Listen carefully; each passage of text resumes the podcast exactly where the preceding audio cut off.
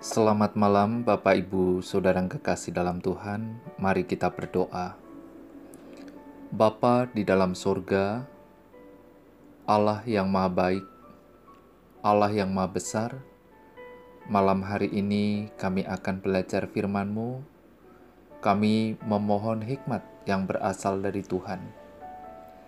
Di dalam nama Tuhan Yesus kami berdoa. Amin. Orang yang memiliki pola pikir sesuai dengan pola pikir Allah disebut orang berhikmat. Permulaan hikmat dimulai dari sikap hidup takut akan Allah. Tema malam hari ini hikmat dari atas. Yakobus pasal 3 ayat 17 sampai 18.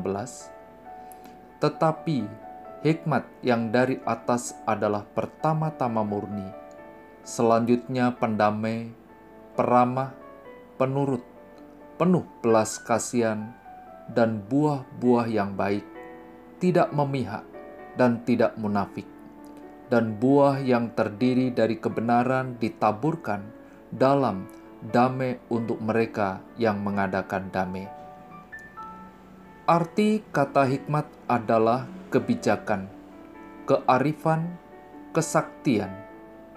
Hikmat juga berarti pemahaman akan apa yang benar dikaitkan dengan penilaian optimal terhadap suatu perbuatan. Memahami hikmat sebagai orang percaya kepada Kristus adalah kemampuan, keterampilan, cara pandang, pola pikir, dan cara hidup sesuai kebenaran Alkitab. Kita mendapat gambaran yang indah tentang hikmat yang datang dari atas, yang diuraikan secara lebih lengkap dan dipertentangkan dengan hikmat dari dunia. Tetapi hikmat yang dari atas adalah pertama-tama murni, selanjutnya pendamai. Melalui pemaparan ini, Rasul Yakobus mengingatkan kita bahwa orang yang berhikmat tidak akan mendatangkan kekacauan, apalagi menciptakan perselisihan dan pertikaian di tengah-tengah komunitas. Hikmat dari Allah menuntun seseorang untuk memiliki kemurnian, menyadari akan kebaikan-kebaikan Allah dalam hidupnya, menjadi pelaku firman-Nya, dan menjaga hidupnya benar sesuai dengan kehendak Tuhan hikmat yang dari atas yang akan menuntun kita memiliki cara hidup yang baik dan dapat menyatakan perbuatan hikmat yang lahir dari kelemah lembutan.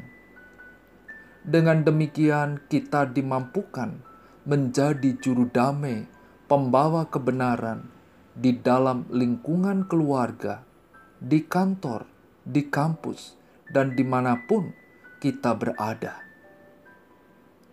Sudahkah saudara memiliki hikmat yang dari atas? Mari kita berdoa. Bapa di dalam surga, kami bersyukur kepadamu ya Tuhan. Engkau terus menyapa kami melalui firman-Mu, supaya hidup kami sebagai orang-orang percaya memiliki hikmat yang berasal dari Tuhan. Malam hari ini, kami akan beristirahat, kami terus memohon pimpinan penyertaan dari Tuhan. Di dalam nama Tuhan Yesus, kami berdoa. Amin.